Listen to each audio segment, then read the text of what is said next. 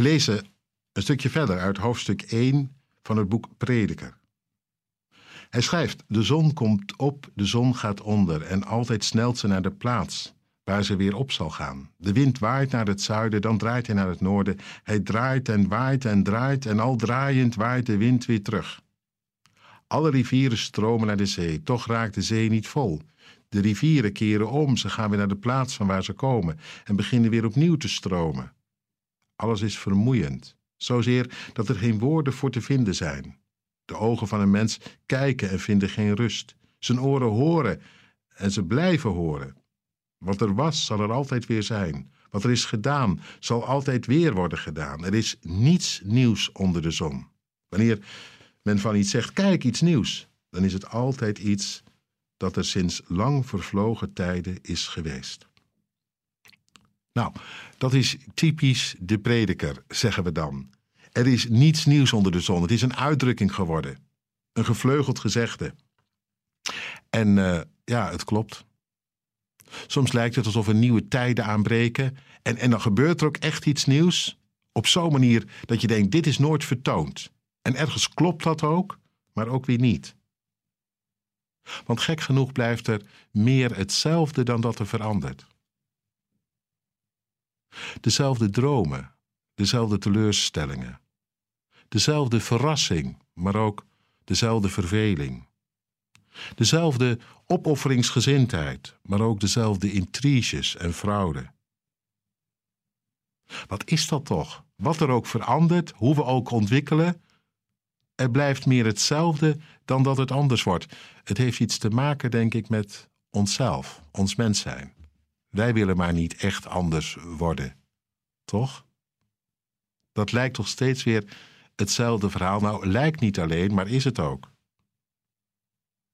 Het oude liedje op een andere melodie, zo gezegd. En wij maar denken dat we vooruitkomen, terwijl het intussen voor geen meter opschiet. Er is niks nieuws onder de zon. Je zou er somber van worden. Toch? Want ja, dan schiet het dus niet op. Kun je alleen maar moe en moedeloos de dingen zien gebeuren, tot in de natuur toe. Dat is er dan een teken van. Van die eindeloze herhaling, die cirkelgang. Toch, ik hoor bij de prediker ook iets anders. Ik had het al over zijn hartstocht. Ook in dit verhaal. Al lijkt het in eerste instantie wat vermoeiend, zoals hij het beschrijft. Ik, ik hoor door alles heen de hartstocht. Hij wil iets doorbreken.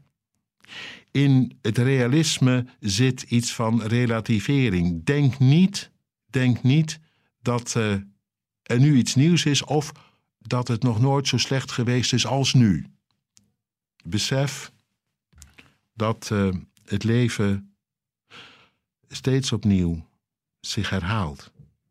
Dat betekent er is geen reden om alleen maar je te verliezen aan wanhoop.